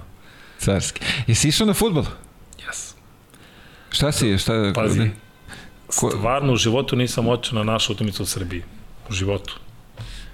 I baš kad sam bili u Kantu, naša tadašnja gazdarica, vl- suvlasnica kluba, imala neke dobre karte i kaj vozim se ja na Inter Milan. I meni to bilo ovako, idem, ajde. Imaš kart, idem. Meni je tad bilo nepojmljivo čoveče kod San Sira, znači ono, grupica Interovca, Milaneza, 3-4, pa 3-4, pa to je sve normalno, i jedu i piju, utakmi, ne znam, go, ovi ustano, ovi sede, ovi e, i tako. Pa to bilo čovjek nas bi se bre poklali, ubijali bi se na ulici, znaš. I onda tek kad sam prešao u Milano, pošto sam ja živeo sve četiri godine odmah pored San Sira, tako da sam svaku utakmicu osjetio atmosferu tamo ti je ili Inter igra, ili Milan igra, ili igraju Ligu šampiona, Ligu Evrope ili domaći. Znači, to je dva put nedeljna utakmica, hteo ne hteo. I tu bude ono, hiljadu kamiona, burgeri, kobasce, pivo, tu nenormalna atmosfera. I sam često ovaj, na, na utakmice i gledao gospodski. Gospodski. To treba. da poželiš da, da vidiš i gledao sam ozbiljni derbi, gledao sam uz, uz teren, bukvalno imao sam onaj dole boks uz sam teren i gore sam isto svašta nešto gledao, tako da sam šarao, ali gospodski. Kakav doživlje. Da, Kakav doživlje. Koliko smo mi daleko zapravo toga. mnogo. Ali sad, mi ne možemo, nemamo stadion adekvatan. Dobro, gradi se. Da, evo sad je projekat, sad će to. Samo treba neko da igra na njima. Pa vidi. Nije sporno, naći će oni ko će da igra, ali znaš kako ono ide svako gostovanje, ovde skidaju one klupe da, da ne bi po, popalili pobac. Znam li to u Milanu da se... Nema, nema. Tamo nema. Stvarno gospodski. Stvarno. Milan za život. Pa super. Ako bi stavio moju ženu s ove strane, zvuči ka super. Izborio se da se vrati u, Beograd, da damo šansu u Beogradu, ali znaš kako, četiri godine tamo, još eto, dve i po godine u Kantu, to neki šest i po godina u Italiji, da kažeš manje više ista pozicija, deca krenuo tamo u školi od, da kažeš, od vrtića, od, od, od tu nekog minimalnog uzrasta, kad je dozvoljeno, našmo sebe, kažem, kad je opet si u nekom klubu i sredini, zdravoj sredini gde si imao i dobre rezultate i dobro igro i sve, onda ti je nekako sve sjajno i bajno, znaš.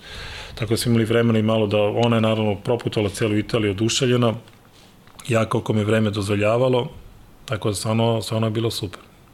Kapiram da, da ti je prijelo taj način njihovog života. Ka, kafu piješ, ne? Počeo sam i to baš počeo u Milanu. Ne zbog njih, nego sećam jedno jutro zbudim, ne znam, odzao deca u školu, prošetao pse, došao kući, pre treninga ono tek 9 i ne znam zašto imam Red Bullu u frižderu, ja tam Red Bullu 9 ujutru i ona kakva me vređa. Ti ovaka, ti onaka, baci to i napravit će tebi kafu. A ja kafu ne podnosim, nema šanse. I ona napravi neki kapućino, to na kafe, to na šećera, to na mleka, znaš, vamo tamo i um, um, nešto kaj dok je može prođi, tako sam krenuo, znači kafu pije možda tri godine.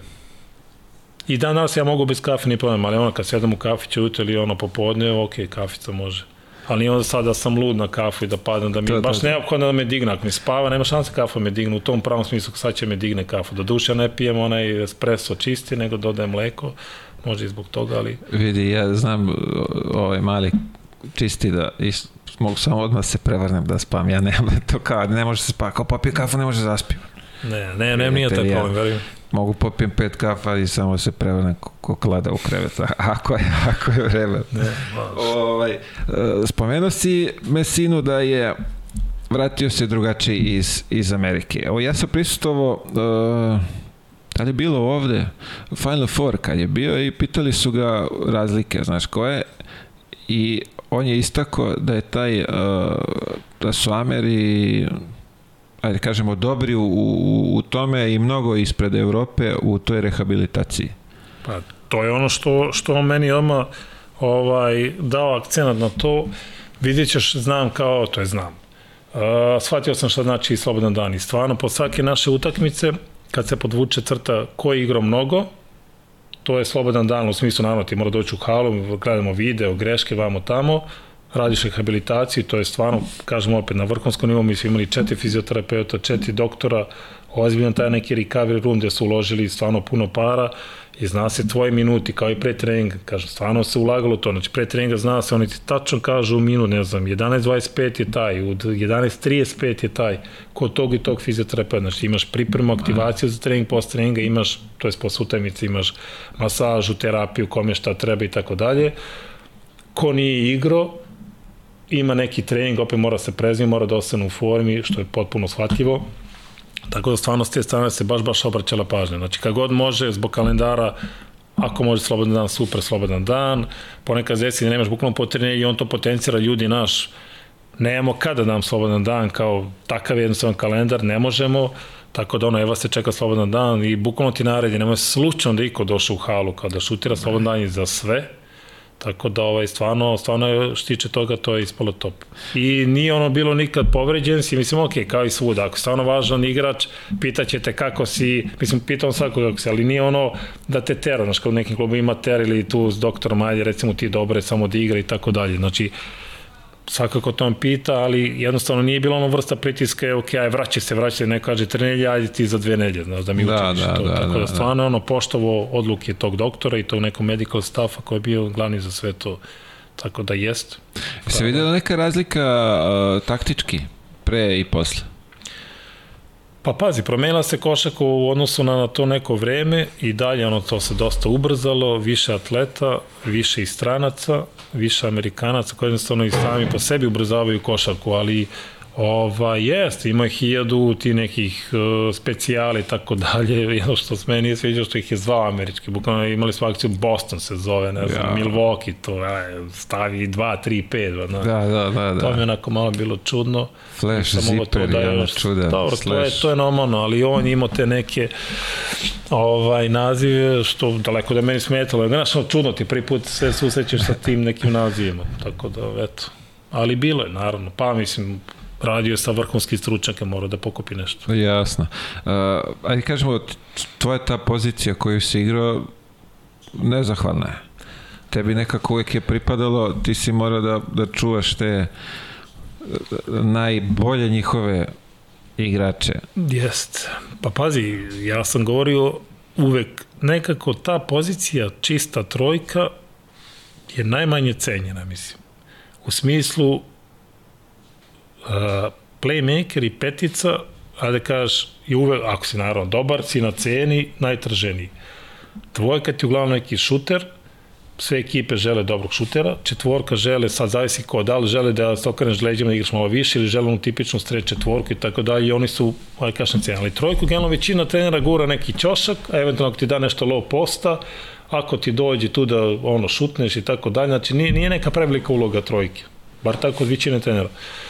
Međutim, ok, ja sam, aj zahvaljujući kad sam počinio da, da trenira košaku u tom šampionu kod Save Janića, jednostavno ono se tero, svi morate da igrate, to je svi morate da znate da baratate sa loptom, kao da svi playmakeri, jer ti u tom periodu kad se 10 11 godina znači da će izrasti, da će da, da. midget i tako dalje, a mora znaš da driblaš, i mislim da je to samo velika prednost, ja sam nekad igrao i playmakera, i znao sam da driblam posle, ok, sam pokrijevo mnogo i četvorku, igrao sam i dvojku, to što kažeš, ok, čuvao sam razno razni, mnogo niže i brži i jači i više igrača od sebe, Ovaj, ali mislim da generalno stvarno u košarkaškom svetu pozicija 3 je nekako stvarno pocenjeno u smislu uloge na, na terenu koje dobija.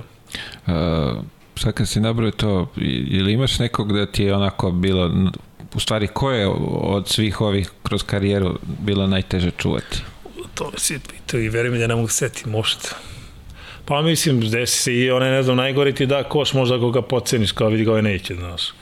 A bilo je naravno i veoma dobrih igrača, ali stvarno ne znam. Pogotovo što sam ima šaro mnogo, ja sam čuvao i dvojke, i trojke, i četvorke, ali eto, možda JC Kelly, kako god, znaš, on da, da, da, i ja ti misle sad ga ti uzme. Ali, pritom ja sam veći širio njega, ima mnogo blokada za njega i ti moraš da se zakačiš u blokadu, ja sam jednostavno veliki, znači lakše da, da mene neko udari u blok.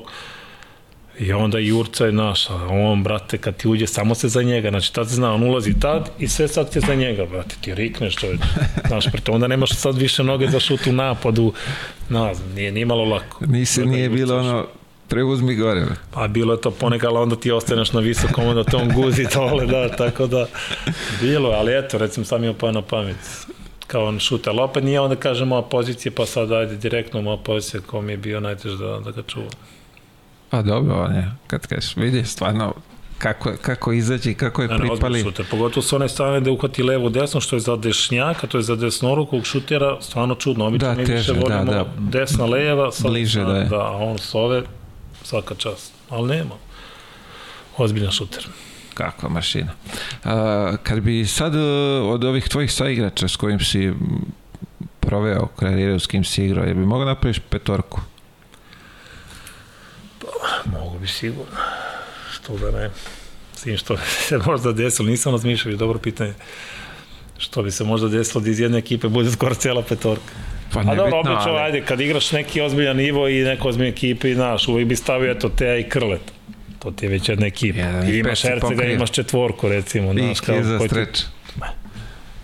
Sad dvojku, ne znam s kim sam igrao. Pitaš me za naše igrače? Ne, ne, A, generalno, generalno da. I stranci čak s kim si, s kim si delio parket? Pa, pa sigurno bi stavio Karl Heinza. On može od 1 do 5. na koju poziciju? Tako, od 1 do 5. A dobro, njega na visoko sigurno. Ozbiljan, mislim kao prvo, ono, ljudina, a igračke kvalitete, da, da ne spominjam, znači pokriva sve i uvek neka smirena faca i telo, znači ništa mu nije teško, sve može i jednostavno veliki borac total undersize. Njega bi stavio sigurno. Malo sećam s kim sam sve igrao, čoveče. Kad sam imao intervju, bre, da, imao sam onaj intervju kad sam završio i ovaj jedan ovaj pita kao, pa igrao si Diamantidis? Rekao, je, koliko sam matar čoveče, igrao sam i sa njim. Rekao, kad je sam, to bilo? Kad sam pitao i ono Mileta Lisica, ne znam, eto to, Mikan Grušanović, znaš, ovi kao gledaju ko ti to, bate, znaš. E, ne znam, i oni stari, stari, ko... Žuća Mitić. Ko... Tako da, rekao skicam, ja igrao, čo dobro me podsjeti, igrao sam protiv Dimantidisa.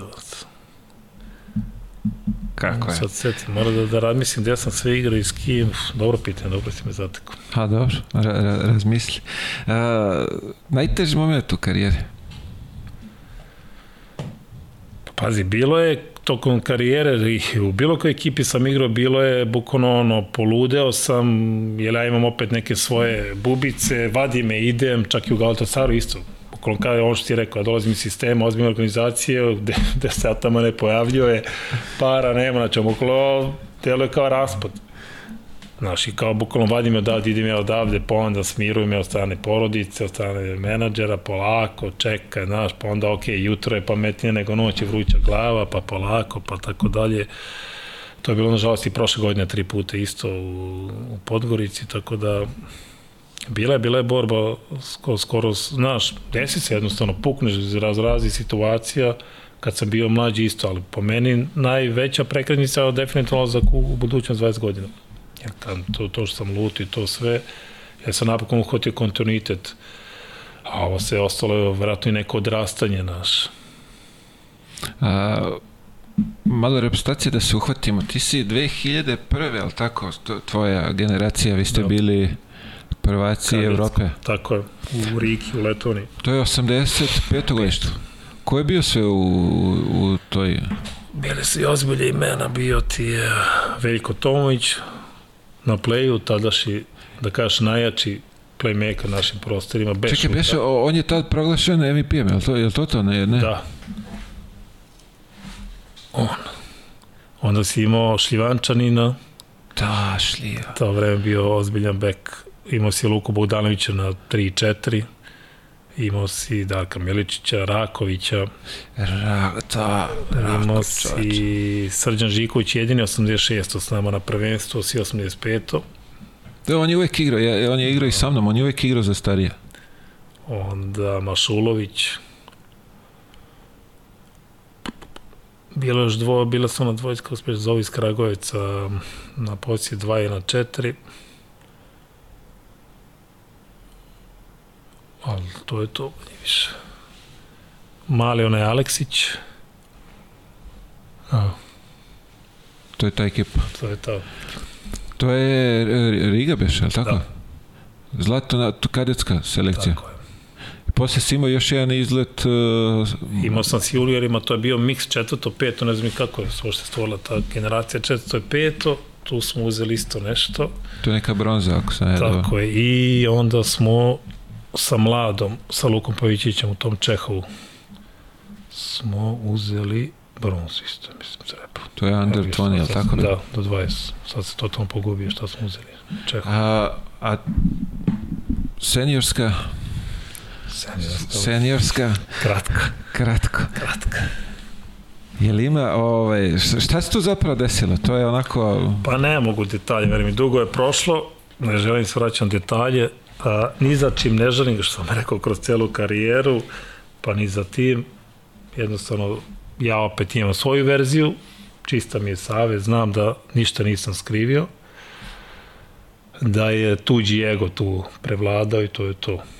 Neko ima svoju verziju, sve je RTS, kaže, prenosio, tako da to ti je to sve se videlo, sve se zna, jednostavno, ono, žao naroda, ostaje žao što nisam moću na, na svetsko prvenstvo u Španiji, to desilo tri dana pred polazak, ono, provedeš celo leto, pripreme, znaš, kao, jednostavno nisam s porodicom i eto, znaš, desi to što se desilo, više nisi i eto, tako. posle toga ne, ne, ti, ti nisi ni dobio poziv? Pa nisam, posle toga svako leto slobodno. Posle kad je došao Kokoško, postoje konto, zvao me dva, tri puta, međutim, ja sam bio ozbiljnih godina, zvao me kad sam imao 35. Znaš, ja rekao, stvarno hvala, super, ali kao prvo prozor, kao prvo ja prozor ne mogu da igram, igram Euroligu, ti Da, moji te da, ne da, puštaju. Da igram leti u 35. malo nezahvalno, toliko ima mladih igrača kojima treba da šansu, znači stvarno hvala, ali znaš, u godinu kad nisam igrao, kad sam bio mlađi, ne vidim sebe s 35 da igram, da uzimam nekome mesto. Ovaj, tako da to je bilo fair, onog pošteno što kaže s njegove strane i to je to. Tako da s njegove strane postoje poziv, kontakt. A, ono što sam bar ja, koliko sam upratio, ja nisam video da, da si ti negde, a da kažemo, bio problematičan, da je, da, da je to bilo nekih, da kažemo, ajde, problem si pa kao treneri, Nisam. ovaj, ali... Znači da nije do mene. Da, ima isti, istine. Ovaj, uh, ono što me zanima, bio si ajde, ka, u dobrim ekipama, sa dobrim trenerima, dobrom organizacijom. Uh, kako se ti treneri obhode prema tim Amerikancima? Jel znamo svi da njima moraš malo da, da, da im... Pa dobro, ja se ne slažem da moraš.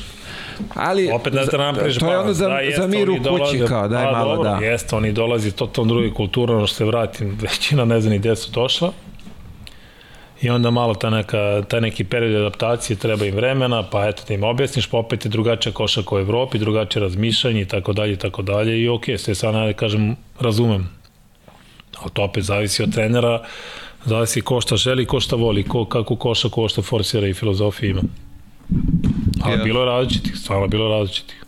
Pretpostavljam da si prisustvovao nekim ovaj, Ma jesam, razno razim kad stvarno, redko, redko koji Amerikanac je bio bukvalno, pa eto, kao Heinz, kao, kao evropljanin, u smislu razmišljam kao evropljanin i ponašam se kao to je to, no, čak sam i spreman ti platim piće, pošto nijedan Aj. neće platiti piće, ali on, za njegov dinar, euro je ko šaht velike, razumeš, a I svi oni imaju neke tužne priče, ne znam, kamioni, brat mi ovo, hud, ovo, ono i tako dalje, znaš. Tako da je bilo razno razni slučaje. Ja, kad, kad već pominješ uh, o, o, on ima nešto, nešto, šta on ima? On ima neki podcast svoj, šta, on ima neku televiziju.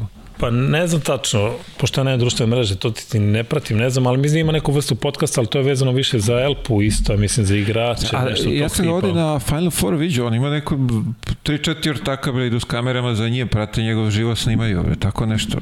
Pa ne znam, da su to bili ortaci ili bilo nešto drugo vezano za snimanje, možda njegovo, ne znam koliko on sve ima Final Fourova, Nemam pojma, ja sam ga primetio i koliko, koliko, šta je, ko je, ko to je njegova neka ekipa, šta, čim se, zato sam ti pitao, rekao šta je, iskreno. pošto kažeš da je normalan lik, pretpostavljam da, da, da Jeste. ima neke ovaj, i te poslovne varijante da je u, u tome. Ne znam, iskreno to kajem ne znam. Uh, čuli smo juče ovo za, za, za Miloša i Teodosića. Ne, komentar, ne znam. Nisam upućen uopšte, ne znam pozadinu, ne znam razlog, ali sigurno gubitak u smislu jedan vrhunski playmaker ovaj da, da, da ne igra. Uvek je bio tu, uvek se odazivao, znam i za ove prozore kad je bilo dozvoljeno, da je imao povred kroz karijeru, imao je šta je po strani, stvarno ne znam. Ne, mislim... I on je opet na kraju kraja u godinama, on je dve godine mlađe od mene, on je 87 sad. A kažem, uvek je bio tu, uvek je spreman. Mislim da takim igračima koji su opet tim godinama, koji imaju ozbiljan broj utakmica za sebe i ove sezone i svake one prethodne, sa ovim novim takmičenjima, to je s kalendarima, da opet mora da izići u susret, zna se reputacija kad ne znam, neko odmara, ne igra, a ovi celo leto igraju, znaš, opet mora da napraviš tu neku situaciju da, da ih privoliš da treniraju. Ne može samo, ajmo, eto to, montaža, cepa ujutro i uveče i moramo, znaš polako, znaš, izašao si iz 10 meseci igranja, malo si odmorio, mora da ga malo privoliš da napriš sve to bude zanimljivo, da, da imaš i dalje želju i elana da igraš. Naravno, treba ginuti repstacije, grbi i tako dalje, ali tu treba biti veoma pažljiv sad. Šta je po strani, stvarno ne znam. Vidi, ne, ne znamo šta je, još se niko nije oglasio, zvanične potvrde još nema, ali meni samo nije, nije jasno, čudno mi je da, da tako nešto da se desi, ovaj, ako si već planirao, ne možeš ni da ga zoveš, a ako je Pa da, ne znam, kažem opet, da li bi onda morao da objašnjam u rano leto zašto ga nema, možda ovako bolje, stvarno nemam pojma. Nemam, nemam ni ja Da, informacije. aj, sad sačekat ćemo, sačekat ćemo da vidimo šta se tu izdešavalo, verovatno će neko... Izaći Ovaj, će nešto. tako je. Uh, je, imaš neki, ajde kažemo, za, za, za mlade savjet? Kako bi to trebalo? Pa pazi, ja sam mu govorio kao prvo mora da ušavaju škole. Stvarno, kad su mladi, niko ne zna u će pravcu da se razvijaju, i fizički i psihički. Ovaj, školu mora iz prostog razloga, jer jednostavno taj period iz nekih mladih, da li to bili junior ili omladinci i tako dalje, da plešu prvi tim mrak, te jednostavno pojede. Tu se mnogo, mnogo, znaš, samo mnogo igrača ne snađe. Kogod je bio taleno, talentovan sa, ne znam, 15-16 godina i tako dalje, niko te ne garantuje da ćeš uspeti posle. Većina njih ni ne uči školu ili misli, ok, krećem vanredno, bit će sportista, košarkaš, bilo ko da je sport u pitanju, ne uspeš, nisi naučio neku školu, posle tu nešto vucaraš, mlataraš, šta si radio, ništa. Tako da svakako treba i ja sam završio nažalost, mislim nažalost, četvrtu godinu srednje škole, jednostavno imao sam veliki problem u srednje škole, mi nisu dozvoljavali da odsustvujem, gde sam završio vanredno, se sećam, dobio sam bukvalno diplomu istog dana kad i, i ovi što redovno u školu.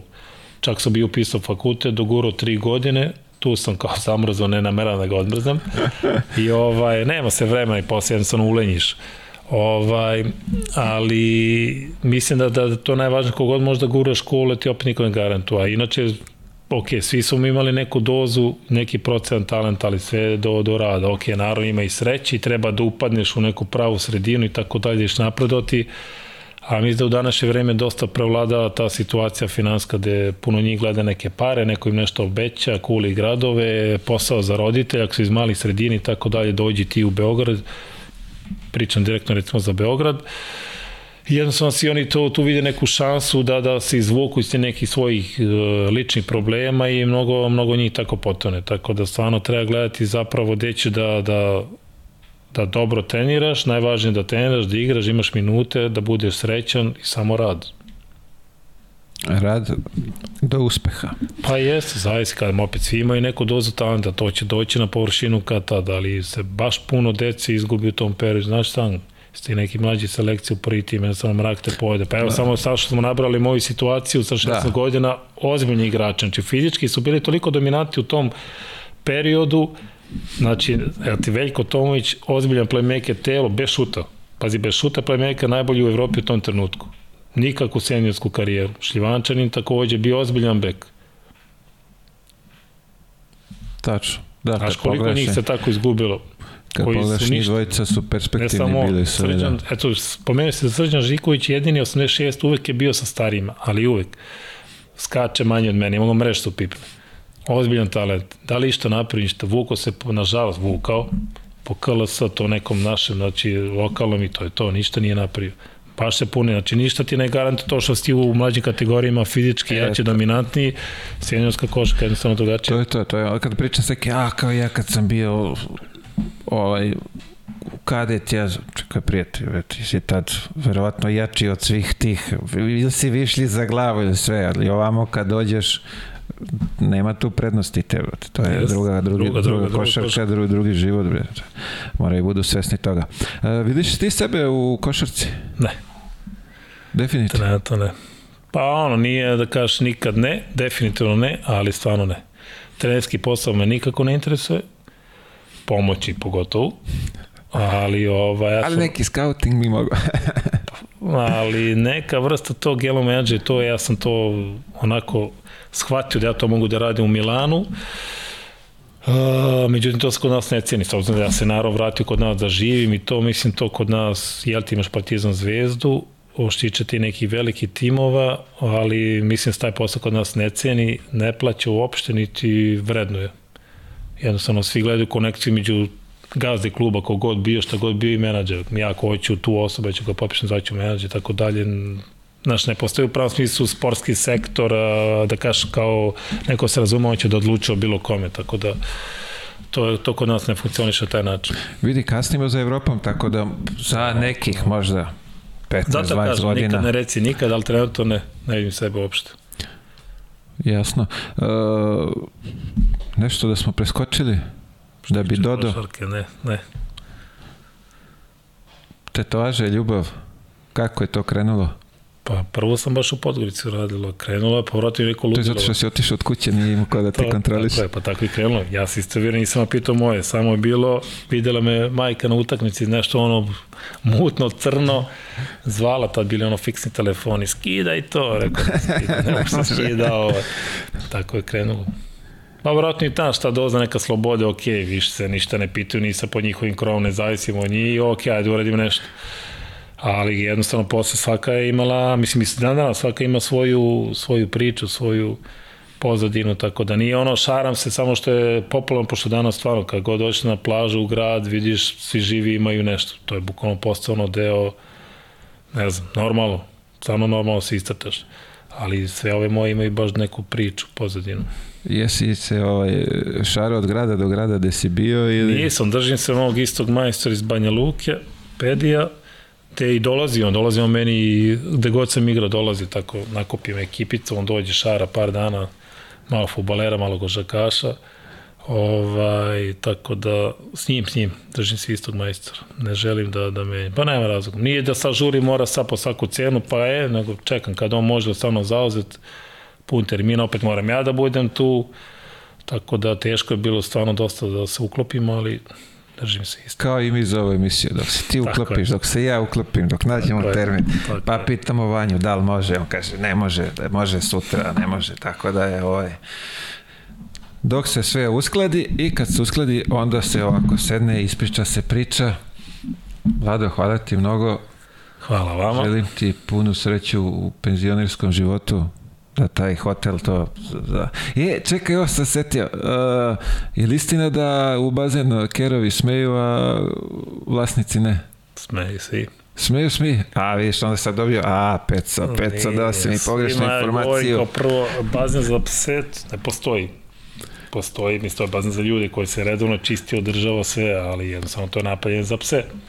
Ali stvarno puno ljudi dolazi, pošto je malo drugačiji koncept vikendima, gde dolaze ljudi sa svojim psima se kupa, to je jednostavno zagrađeno, ograđen prostor, pokriven, niko nema što te vidi, mislim, ok, to je opet van grada, nije to urbana sredina, a samo nema kao te vidi, to je kao da si ti sad rentirao privatni bazen samo za sebe. Jednostavno sad i po dolaze ljudi kupuju se ili sami sa svojim psima, neko dođe samo sunči i tako dalje, pas uživa. Ne, ovo, a viš ove dezinformacije. Ne, ne, smeju, smeju, smeju. Kaže, ne sme ovaj vlasnik sedi pored ker se kupa. Nije, sme, pa dobro, to događa da loće ili neće. Ali svako mnogo čistije nego na, na reci se kupaju ovo što poneki puštaju, pošto tokom sezone ne sme na Adi, to većina kuka ne daju, kad je sezona, reke, znaš kakve su prilazi, da, da, da, ne bi da. svi, pa posle ti uđe u kuću, tako da dosta ljudi dolazi kod nas. Carski. Kako beš se zove hotel? Pet Seasons. Pet Seasons, ljudi koji ima kućne ljubimce, najbolji uslovi su Na kod... Na kraju intervjua reklama. Pa vidi, poz, pomozite čoveku da se ovaj biznis uh, širi i dalje razvija. Ja, Pet hvala. Season hotel za, za pse. Uh, hvala vam, bilo je to još jedna emisija, 20. jubilena, 20 nedelja sam izdržao, nadam se da će i dalje. Hvala i vama što što pratite. Zapratite društvene mreže kao i uvek. Imate i audio platforme, od prošle nedelje smo i na Apple podcast, tako da možete i tamo da slušate šta mi pametno ovde pričamo. Hvala vam još jednom i vidimo sledeće nedelje. Prijetno.